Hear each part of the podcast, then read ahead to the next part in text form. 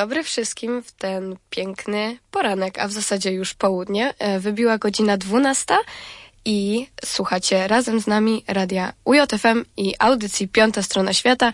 Powracamy do Was po tygodniowej przerwie, tak można powiedzieć. Widzieliśmy się ostatnio tydzień temu, e, podróżowaliśmy po Europie i mikropaństwach i razem z Asią przygotowałyśmy dzisiaj dla Was coś nowego. Dokładnie tak. Zmieniamy troszkę miejsce, ale w sumie nie udajemy się tak daleko. Już za chwilę zdradzimy Wam trochę więcej na ten temat, bo no jest to na pewno miejsce ciekawe i chcieliśmy Wam dać taką wskazówkę może na temat tego, jak tam trochę wygląda obecnie sytuacja, bo u nas pogoda za oknem, no dość zmienna, trzeba powiedzieć, taka faktycznie wiosenna. Zeszły tydzień mieliśmy tutaj prawdziwe upały, no 20 stopni w marcu to naprawdę rzadkość.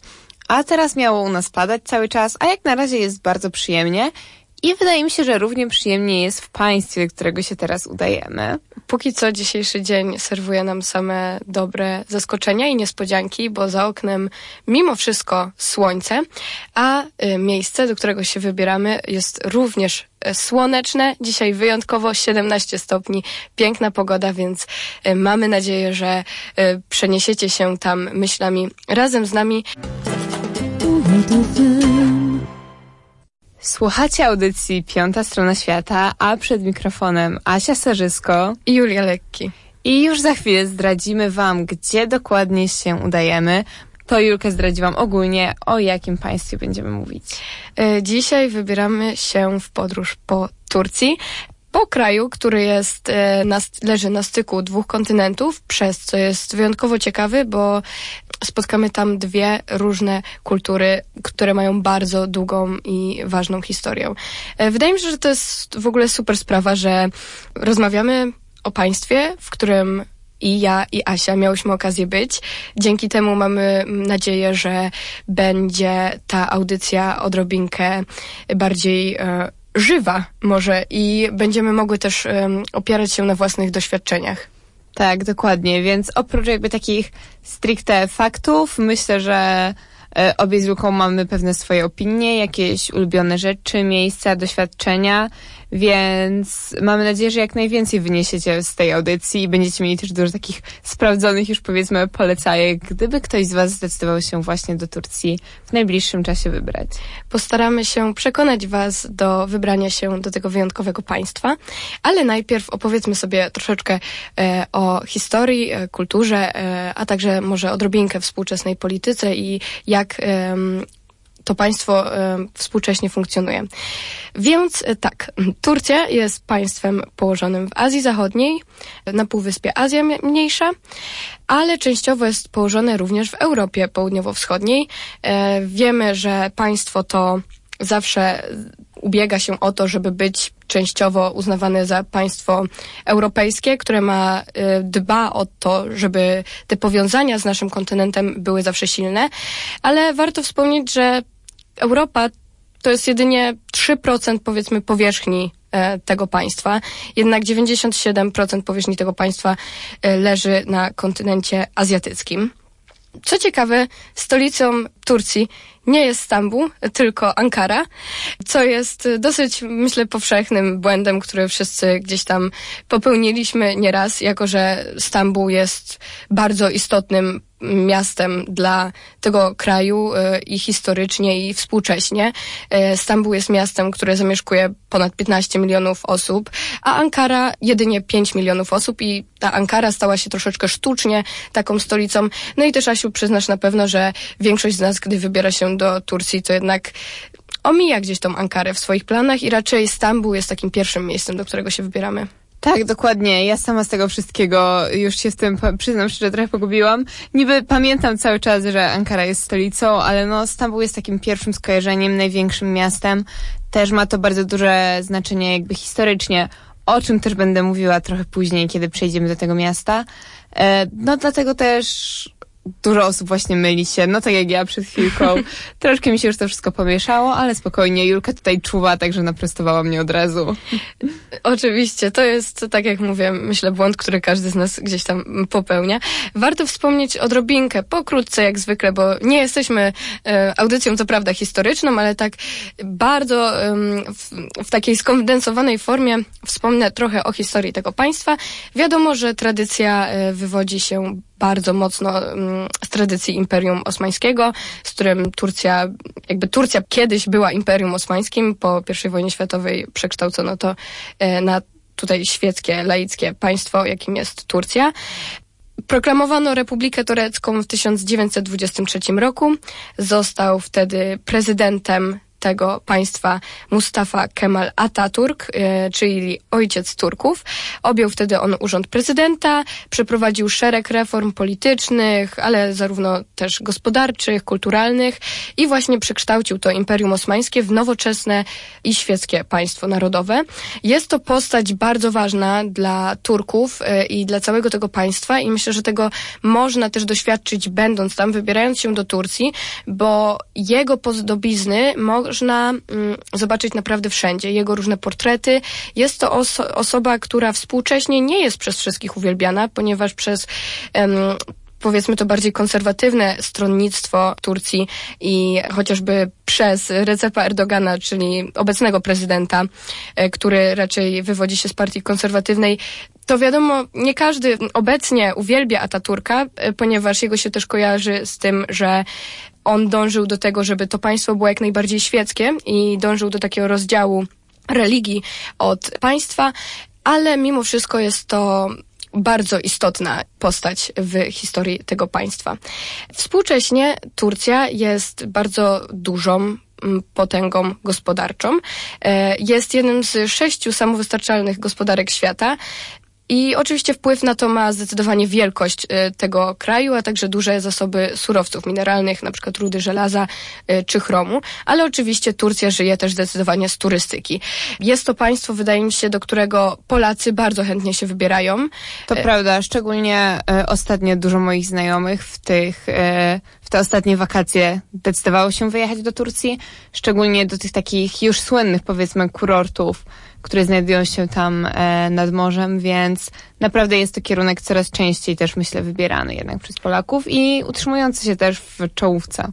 Tak, wydaje mi się, że Polacy, bar, tak jak mówisz, bardzo często wybierają się do tych kurortów e, tureckich, ale tak samo zwiedzają chociażby właśnie Stambuł lub wybierają się dużo dalej na wschód do Kapadocji, o czym jeszcze Wam e, na pewno wspomnimy, bo jest to wyjątkowe miejsce, które też miałam okazję zwiedzić i naprawdę przyznaję, że jest to jedno z najpiękniejszych miejsc, które widziałam w całym moim życiu. Ale jeszcze wracamy odrobinkę, bo tutaj obie z Asią widzę, że mamy taką tendencję do przechodzenia tutaj do naszych wspomnień i e, opowiadania wam o tym, ale myślę, że musimy się jednak troszeczkę trzymać naszego planu, więc warto jeszcze wspomnieć o tym, że Turcja jest krajem laickim, ale jest bardzo mocno oparta na tradycji islamu. 98% społeczeństwa to są muzułmanie. E, ale wiadomo, odbiega jednak od takich państw stricte muzułmańskich, jak na przykład Arabia Saudyjska, e, gdzie jest prawo, występuje prawo szariatu. Myślę, że mimo wszystko, będąc tam, bardzo da się zauważyć te wpływy islamu. Chociażby taką rzeczą, która mnie bardzo zaskoczyła, jest to, że w samym Stambule, nie wiem jak w innych e, miastach, ale zapewne we wszystkich takich większych metropoliach, można się spotkać z tym, że pięć razy dziennie jest takie nawoływanie do modlitwy głośne. Panowie wyśpiewują różne modły i wtedy muzułmanie idą się modlić do meczetów. To prawda, no jest to bardzo właśnie charakterystyczne też dla, dla samego Stambułu.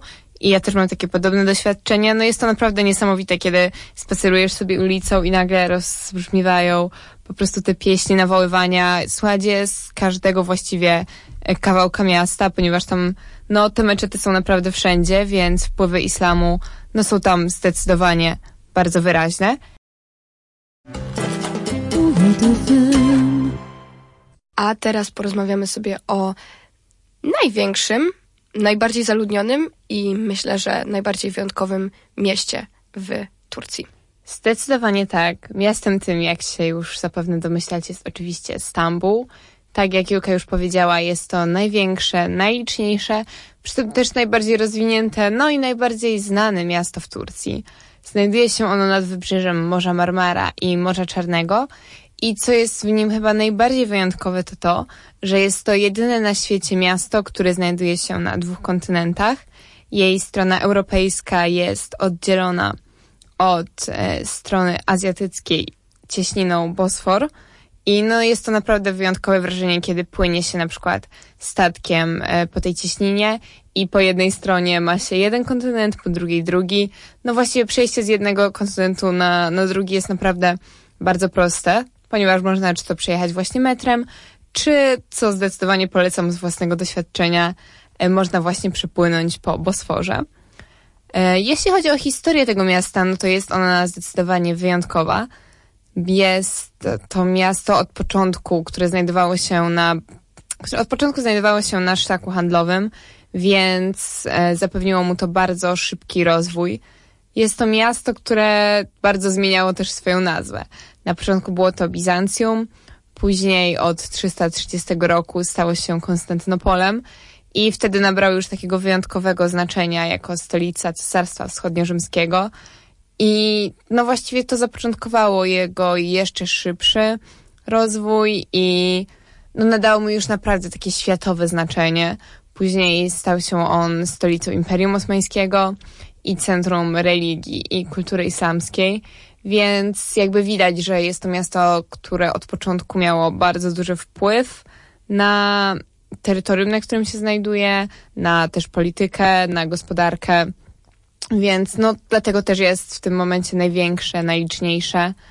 I, I swoją obecną nazwę, czyli po polsku Stambuł, nie Istanbul, jak przez długi czas myślałam, tylko Stambuł, e, ma od 1930 roku, a więc stosunkowo niedawno ta nazwa została zmieniona. No i miasto to jest zupełnym miksem kulturowym tak naprawdę przez te wpływy azjatycko-europejskie i przez wpływy islamskie, chrześcijańskie, więc mamy tam do czynienia z wieloma bardzo różnymi czynnikami, które wpływały na jego kształtowanie się. No i sprawia to, że jest to tam bardzo wiele zabytków i miejsc, które warto odwiedzić. I myślę, że tym takim pierwszym, które przychodzi wszystkim do głowy jest Hagia Sofia, czyli Kościół Mądrości Bożej. E, zapewne Julka miałaś okazję być tam. Nie wiem, czy, czy udało ci się doświadczyć tego, jak to wygląda? Yy, tak, miałam okazję tam być, miałam okazję wejść do Hagi Sofii i naprawdę imponuje zarówno z zewnątrz, jak i wewnątrz. Jest naprawdę wielki meczet i naprawdę fascynujący. Wydaje mi się, że najpiękniejszy zabytek w Stambule, zdecydowanie. Jest to też zabytek, który ma bardzo taką zmienną historię, ponieważ na samym początku został wybudowany jako świątynia chrześcijańska i jakby jak na to, jak wielki jest ten kościół, e, w sensie obecnie już meczet, dawniej kościół, e, to z pewnością dziwi fakt, że jego budowa trwała jedynie 5 lat i została zapoczątkowana przez Justyniana I. E, później ta świątynia chrześcijańska została właśnie przekształcona w meczet, a następnie w muzeum, a obecnie od lipca 2020 roku ponownie jest meczetem. E, ja jeszcze miałam okazję być w niej przed tym przekształceniem, więc e, troszkę inaczej to zapewne wyglądało. I ciężko mi powiedzieć, jak e, zwiedzanie mm, Hagi Sofii wygląda dokładnie w tym momencie. No jednak na pewno jest to zabytek wart zobaczenia. Jest naprawdę przepiękny, szczególnie ze względu na liczne mozaiki, które znajdują się w środku. Jednak, o, E, Julka tutaj już mi pokazuje, że ona jeszcze chciałaby coś dodać na temat Hagi Sofii, więc oddaję no, jak najbardziej, dokończ swoje zdanie. Ja nie, nie dawaj. Oj, to bardzo przepraszam. E, co do Hagi Sofii, bo mówisz, że nie byłaś od czasu przekształcenia jej w meczet. Dokładnie. Aktualnie to wygląda tak, że mm, normalnie w Hagi Sofii wiele muzułmanów chodzi się modlić i co ciekawe, wygląda to tak, że z przodu meczetu, z przodu świątyni modlą się mężczyźni, a kobiety zostają raczej z tyłu tego budynku i to jest też taka ciekawa rzecz, e, którą miałam okazję zaobserwować. To jest coś, co obowiązuje właśnie, wiem, e, w wielu meczetach, właśnie też w Stambule. E, no, kiedy ja zwiedzałam Hagię Sofię, to mogłam jakby bez problemu chodzić sobie po wszystkich jej częściach. E, ale w większości meczetów faktycznie jest tak, że kobiety mogą wejść tylko jakby w pewne miejsca i nie wszędzie mają dostęp. No wynika to oczywiście z religii i należy to uszanować. I tak jest między innymi w innym wyjątkowym zabytku w Stambule, jakim jest Błękitny Meczet. I przyznam szczerze, że mi podobał się on mimo wszystko dużo bardziej niż Hagia Sofia, ze względu na te setki tysięcy błękitnych płytek, które znajdują się w jego wnętrzu. Robi on absolutnie piorunujące wrażenie właśnie ze względu na ten kolor. I jest to jeden z ostatnich przykładów takiej klasycznej islamskiej sztuki w Stambule. Został wybudowany w celu przyćmienia Hagi Sofii. Jest, nie jest równie olbrzymi, ale no na pewno właśnie tutaj ten kolor, ta liczba płytek, mozaik, te pięć bram prowadzących do niego robi wrażenie. I tutaj właśnie, kiedy ja miałam okazję go zwiedzać, no to obowiązywały już e, te zasady stricte, jakie obowiązują w meczecie, a więc e, wiadomo, trzeba było zdjąć buty wchodząc, trzeba było zakryć chustą e, głowę, no i nie wszędzie niestety jako kobiety e, miałyśmy wstęp, ponieważ akurat w takim damskim gronie miałam e, okazję zwiedzać te meczety, także no, trzeba się po prostu dostosować do, do tych reguł, które tam panują. Niestety wymusza to na nas pewne ograniczenia, ale mimo wszystko myślę, że warto ich przestrzegać, żeby uszanować też kulturę i zwiedzić mimo wszystko te piękne miejsca. Innym wartym zobaczenia, mm, warto zobaczenia przestrzenią w Stambule, na którą też warto udać się, jeśli chce się zakupić jakieś pamiątki, e, są dwa bazary. Jest to Wielki Bazar i Bazar Egipski. Pierwszy z nich ma e, ponad 30 hektarów powierzchni, znajduje się tam kilka tysięcy sklepików, kilkadziesiąt bram, są liczne restauracje, kawiarnie i naprawdę powiem wam szczerze, można tam kupić chyba absolutnie wszystko. To prawda. To prawda. Mi się Wielki Bazar głównie mimo wszystko skojarzy z podróbkami. Nie tak. będę ukrywać. E, oczekiwałam jednak odrobinę więcej takiej lokalności, orientalizmu może, e, więcej jakichś butików, sklepików, chociażby z przyprawami albo z lokalnymi wyrobami. Mimo wszystko e, na wielkim, w Wielkim Bazarze zetknęłam się głównie z bardzo wieloma mm, stoiskami z podróbkami znanych marek. To e, też często luksusowych. Zdecydowanie są tam one na każdym kroku, ale no nie jest to na szczęście jedyna rzecz, którą można tam kupić. E, ja osobiście właśnie będąc akurat na tym bazarze egipskim trafiłam na e, bardzo liczne właśnie stoiska z przyprawami, ze słodyczami, z taką kuchnią turecką. No po prostu wszystkiego można było spróbować, wszystkiego było pełno. Po prostu sprzedawcy naganiali nas z każdej strony, mówiąc chyba po rosyjsku, po angielsku, bo moja koleżanka, z którą tam byłam, jest blondynką i właśnie wszyscy brali nas generalnie za Rosjanki, więc e, to był ten język, którym się z nami porozumiewali. Ale generalnie e, po Stamb- jeśli chodzi o takie zabytki Stambułu, to warto też e, przejechać na przykład zabytkowym tramwajem po dzielnicy Iskitlal, e, która jest takim olbrzymim deptakiem właśnie już z bardziej luksusowymi sklepami. Tam już o podróbki nie jest tak łatwo, tylko faktycznie są tam droższe sklepy. I ten tramwaj jest jednym z dwóch, które kursują obecnie po Stambule z takich zabytkowych linii. E, bo dawniej tam była bardzo bogata ta linia tramwajowa, a teraz zostały już zachowane tylko tak, powiedzmy, dla, dla turystów specjalnie te dwie linie, ale na pewno robi to bardzo, bardzo przyjemne wrażenie. Więc e, wydaje mi się, że Stambuł jest takim miejscem, które warto zobaczyć, warto zwiedzić i warto po prostu doświadczyć go samodzielnie i nie jest takim jedynym miejscem. Dzisiaj podróżujemy razem po absolutnie wyjątkowym kraju, jakim jest Turcja. Dowiedzieliśmy się już troszkę na temat jej historii i tego, jak ten kraj w ogóle się rozwijał, trochę na temat jego kultury. I zwiedziliśmy największe i najbardziej znane miasto, czyli Stambuł. A teraz udajemy się do kolejnego, bardzo znanego regionu Turcji, który warto odwiedzić, mianowicie do Kapadocji. Kapadocja kojarzy nam się wszystkim, myślę, z jednym, z niesamowitymi lotami, balonami, prawda? E, to jest e, takie bardzo pocztówkowe miejsce, do którego każdy gdzieś tam chciałby się wybrać, więc stwierdziłyśmy, że przedstawimy je um, Wam również razem z Asią. Kapadocja jest krainą historyczną e, w środkowej Turcji która jest znana głównie z takich bardzo charakterystycznych form turfowych i z domków i kościołów, które są wykute w tych wulkanicznych skałach. Jest to widok naprawdę jedyny w swoim rodzaju, który wydaje mi się, że ciężko znaleźć gdziekolwiek indziej. I ja przyznaję, że gdy wybierałam się do Kapadocji, nie mogłam się doczekać głównie tego lotu balonem nad Kapadocją, ale gdzieś tam te skały e, i te, ten niesamowity krajobraz odrobinkę schodził e, na drugi plan, a przyznaję, że to było coś, co mnie najbardziej zaskoczyło. Wydawało mi się, jak tam jechałam, że będzie to bardziej działało na takiej zasadzie, że może na zdjęciach to będzie wyglądało lepiej i na żywo to nie będzie aż tak wyjątkowy widok, ale okazało się, że zupełnie się myliłam i krajobraz Kapadocji jest naprawdę wyjątkowy i niepowtarzalny. Powiem szczerze, że jak mnie zazwyczaj nie powiedzmy nie kręcą takie krajobrazy właśnie, no bo jednak tam mimo wszystko jest mało tej takiej zieleni, właśnie to jest taki bardzo księżycowy krajobraz, przynajmniej tak mi się kojarzy właśnie jak widzę te wszystkie, nie wiem, puzzle, te takie pocztówki z balonami latającymi nad Kapadocją. Zazwyczaj mnie nie ciągnie do takich miejsc, jednak no naprawdę to robi wyjątkowe wrażenie i myślę, że gdybym dostała szansę lotu balonem nad takim, taką przestrzenią, to chciałabym z niej skorzystać. E, tak, w Kapadocji mm, głównie warto zwiedzić mm, miasteczko Goreme, które jest uważane za stolicę Kapadocji. E, tam znajdziemy chociażby Goreme Open Air Museum, czyli taki rezerwat e, z pięknymi kościołami w skałach.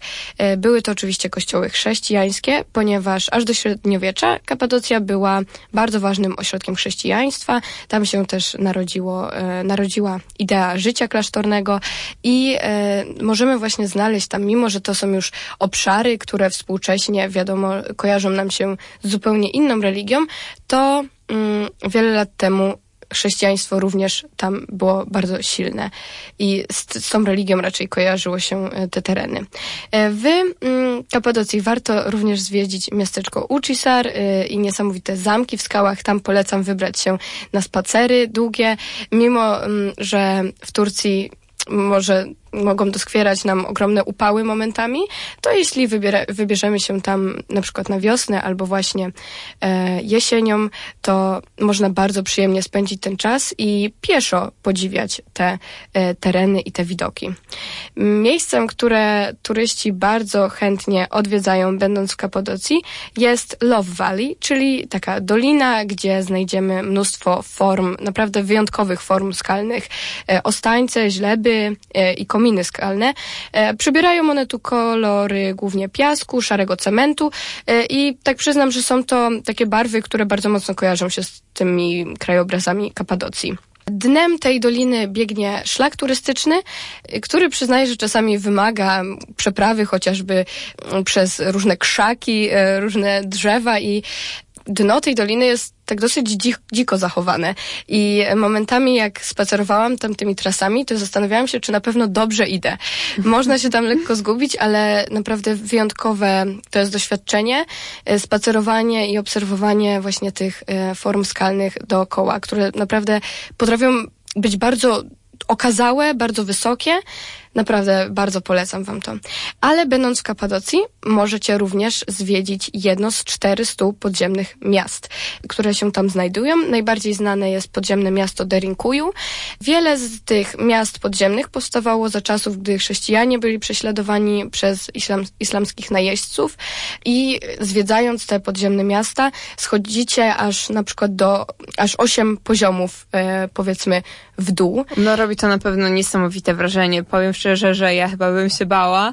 Po prostu w momencie, kiedy uświadomiłabym sobie, jak wiele znajduje się nade mną, jak wiele warstw, to myślę, że byłabym przerażona, ale no na pewno jest to coś wartego zobaczenia na, i doświadczenia właśnie na własnej skórze. Robi to ogromne wrażenie, szczególnie, że możemy znaleźć tam dosłownie całe domy pod ziemią, stajnie albo y, miejsca po prostu, w których wytwarzano jedzenie, wino. To jest niesamowite, że ludziom udało się coś takiego utworzyć całkowicie pod ziemią, bez dostępu do, e, do światła. Um, I w ogóle, że byli w stanie jakby funkcjonować, tak, bo to, no nie wiem, ja jestem osobą, która zawsze właśnie ciągnie do słońca, do światła i jakby życie w takiej podziemnej, zamkniętej przestrzeni też na pewno nie było mimo wszystko dla nich łatwe, ani właśnie tym bardziej, nie wiem, dla zwierząt, które przecież tam trzymali też. Tak to niestety działa i te osoby te nie miały za bardzo wyboru No innego. Tak, tak, musiały dostosować się do panujących wokół warunków, ale tak jak mówię, jest to naprawdę rzecz zdecydowanie warta odwiedzenia. Ale skoro e, mówimy o Kapadocji, to nie możemy zapomnieć o tym wyjątkowym locie balonem nad terytoriami tego regionu. Jest to niestety atrakcja dosyć droga i nie ma co tego ukrywać. Koszt lotu balonem nad Kapadocją to jest około od 150 do 200 euro za osobę. Już widzę, Asia obok No, mnie tutaj się tak. troszeczkę skrzywiła, jak to No, powiedziałam. po, po studencku to na pewno byłoby ciężko w taką podróż polecieć, ale też z drugiej strony rozumiem, bo znam też loty balonem, ceny lotów balonem, na przykład nad takim Krakowem i to już jest powiedzmy wydatek, Wydaje nie mi mówiąc się, już że- o Kapadocji. Wydaje mi się, że jeśli mm, ceny lotów balonem nad Krakowem są tak wysokie, to nie dziwi mnie to zupełnie, że lot balonem nad Kapadocją kosztuje aż tak dużo. Trwa on mniej więcej godzinę. E, Wylatuje się o wschodzie. Co ciekawe, mnóstwo osób myśli, że te loty balonem nad Kapadocją są o zachodzie słońca. Co jest zu- zupełnie nieprawdziwe. Dzieje się to o wschodzie, ponieważ wtedy przeważnie warunki atmosferyczne są lepsze, są mniejsze wiatry, a także widok jest e, jeszcze bardziej wyjątkowy. I działa to tak, że lot zaczyna się, kiedy jest praktycznie ciemno jeszcze. Trzeba wstać bardzo, bardzo wcześnie rano, niestety, na ten lot jest się odwożonym w takie specjalne miejsca autobusami, autokarami, gdzie, e, bo oczywiście nie wylatuje się z centrum tych większych miast i e, wtedy kilkadziesiąt balonów naraz e, wylatuje i to jest naprawdę niesamowite doświadczenie. Mówię, trwa to około godziny. W tym czasie mm, balony niektóre wznoszą się wyżej, niektóre niżej. W momencie, kiedy, kiedy schodzi się trochę niżej, to można lepiej obserwować e, te niesamowite formy skalne, a w momencie, kiedy jest się bardzo wysoko, aż na przykład kilometr nad ziemią, to widać niesamowite krajobrazy całe, całego tego regionu, a także wszystkie te inne balony. Naprawdę nie, nieziemskie widoki, ale niestety Wyruszając do Kapadocji, nie możecie mieć gwarancji, że ten lot się uda. I wydaje mi się, że to jest naprawdę strasznie stresująca rzecz, ponieważ w momencie, kiedy jesteście już tam, to musicie liczyć się z tym, że to, czy te loty odbywają się danego dnia, zależy bardzo mocno od warunków atmosferycznych. I może zasz, zawsze zdarzyć się coś takiego, że przez kilka dni pod rząd na przykład wiatr będzie zbyt duży i lot okazałby się niebezpieczny. Nie wiem jak ty, Asiu, ale gdybym ja miała wybrać się do Kapadocji i wróciłabym bez tego lotu balonem, byłabym mocno zawiedziona. Myślę, że każdy miałby tak samo. Właśnie to była pierwsza rzecz, która przyszła mi do głowy, kiedy zaczęła się o tym mówić, że gdybym wybrała się tam już z tym celem lotu i okazałoby się, że po prostu nic z tego, no to wiadomo, można zwiedzać e, wciąż piękne krajobrazy, ale na pewno taka gorycz zostaje. A teraz e, poznamy troszkę lepiej kuchnię e, turecką i może Asia wam wytłumaczy i przybliży bardziej, czemu Turcja to nie tylko kebab. Mam nadzieję, że właśnie uda wam się z tej audycji wyciągnąć, że jakby kebab naprawdę nie jest jedyną rzeczą, którą trzeba zjeść w Turcji. Oni mają bardzo bogatą kuchnię.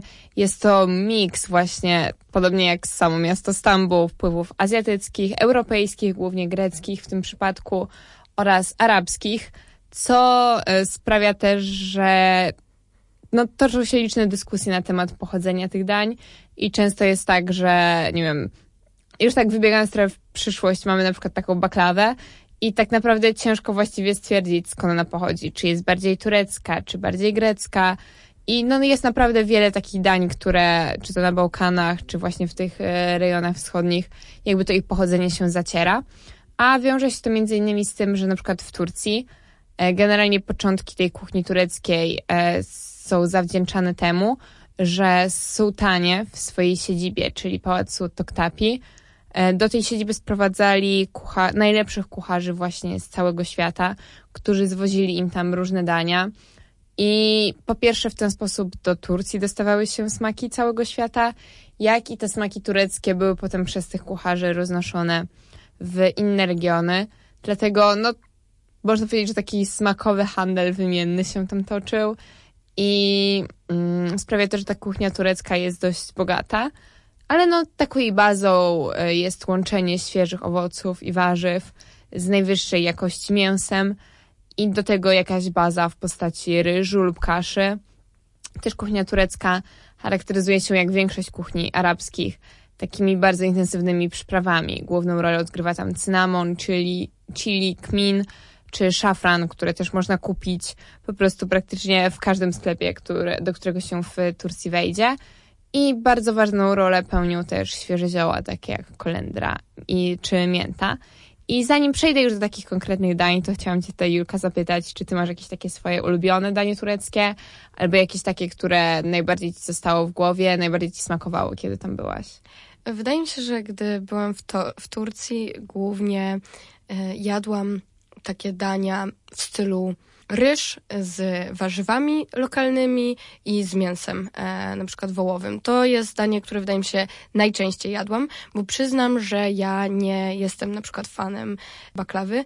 Uważam, że jest to zdecydowanie za słodki deser i te w ogóle desery, słodycze tureckie kojarzą mi się jednak z takim bardzo dużym przesłodzeniem i na przykład to zupełnie nie trafia w moje gusta, ale na pewno to zależy, bo znam mnóstwo osób, które kochają. Myślę, że to jest właśnie zasadniczy problem z tymi tureckimi słodyczami, o czym będę mówiła za chwilkę, ale zacznę może właśnie od takiego klasyka e, tureckiego, jakim jest kebab, który oryginalnie nie do końca przypomina ten nasz, który można kupić e, w Polsce, ponieważ niekoniecznie jest on podawany od razu w bułce, tortilli, picie. E, jest to po prostu danie podawane na talerzu, które składa się z grillowanego mięsa, przeważnie baraniego lub jagnięcego i do tego mamy różne rodzaje warzyw. E, jeśli chodzi o sposoby te, przygotowywania tego mięsa, to wyróżniamy takie trzy najbardziej popularne. E, oczywiście jest to doner, czyli mięso obracane na takim podłużnym, pionowym grillu. Dalej mamy kebab Adana, jest on bardziej pikantny, E, przyrządzany z siekanego mięsa, który właśnie piecze się przy pomocy e, specjalnego szpikulca. I ostatnim rodzajem, takim też najbardziej kojarzącym się z tą pitą właśnie jest Iskender. I są to plastry grillowanego mięsa z warzywami, które są zawijane właśnie w chlebek pita, po tym e, i do, do nich dodawany jest sos pomidorowy i jogurt, co daje takiej lekkiej świeżości temu daniu.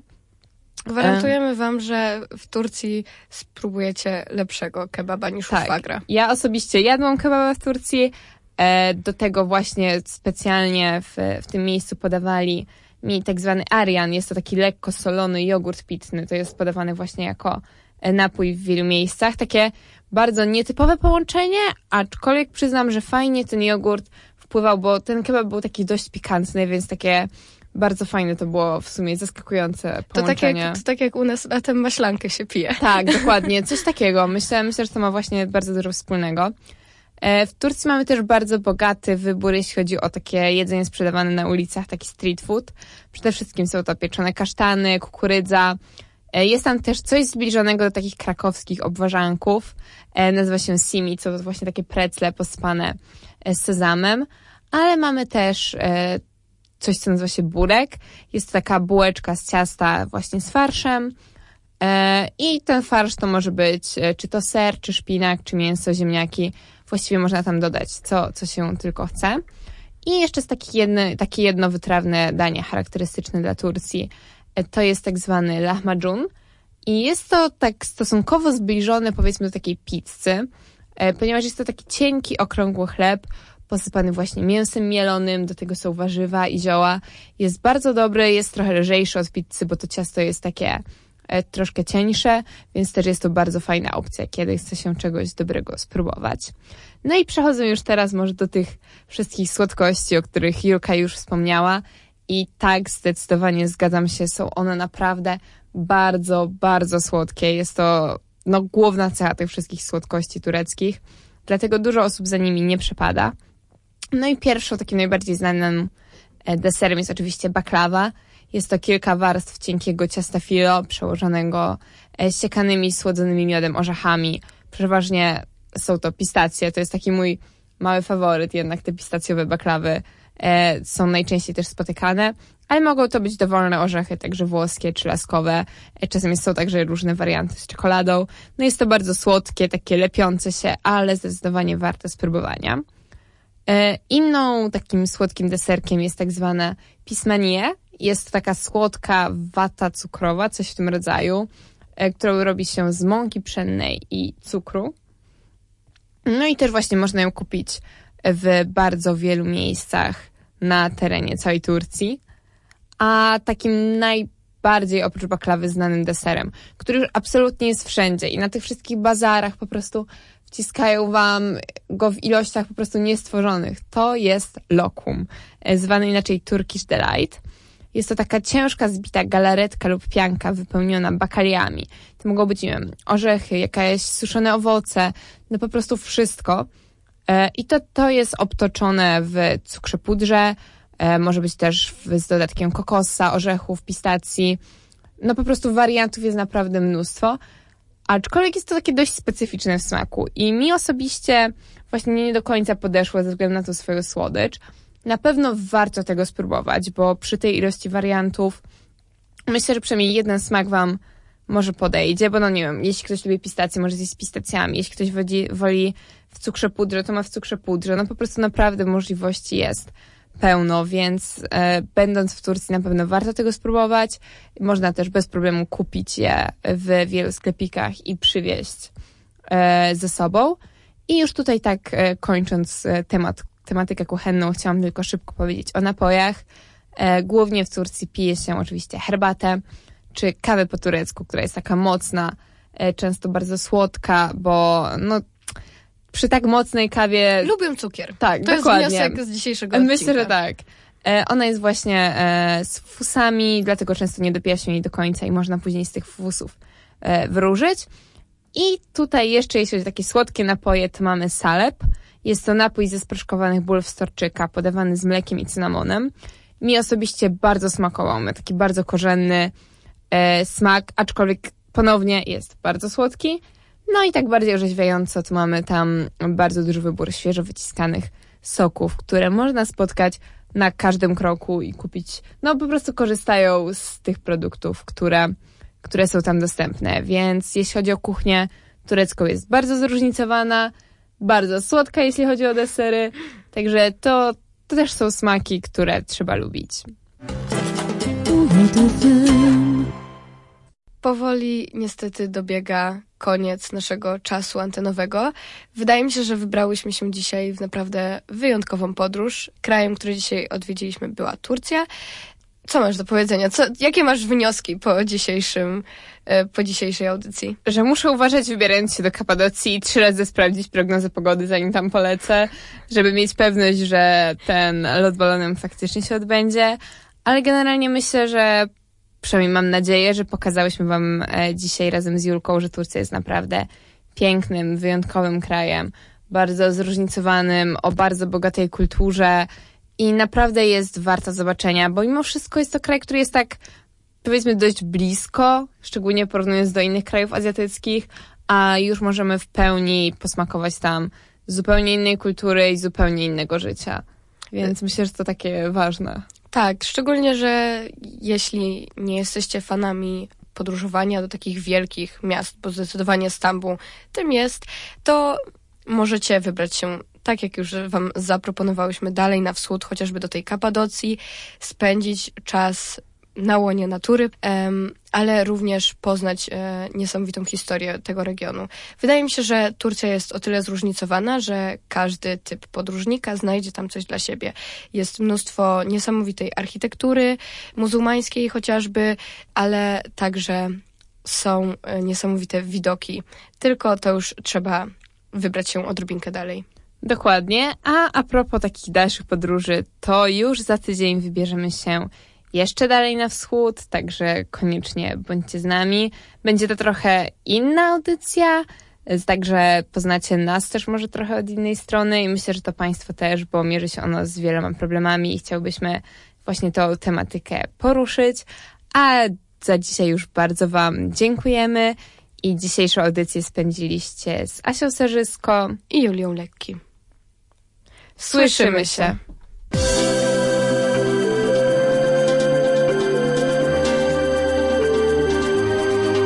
你的字。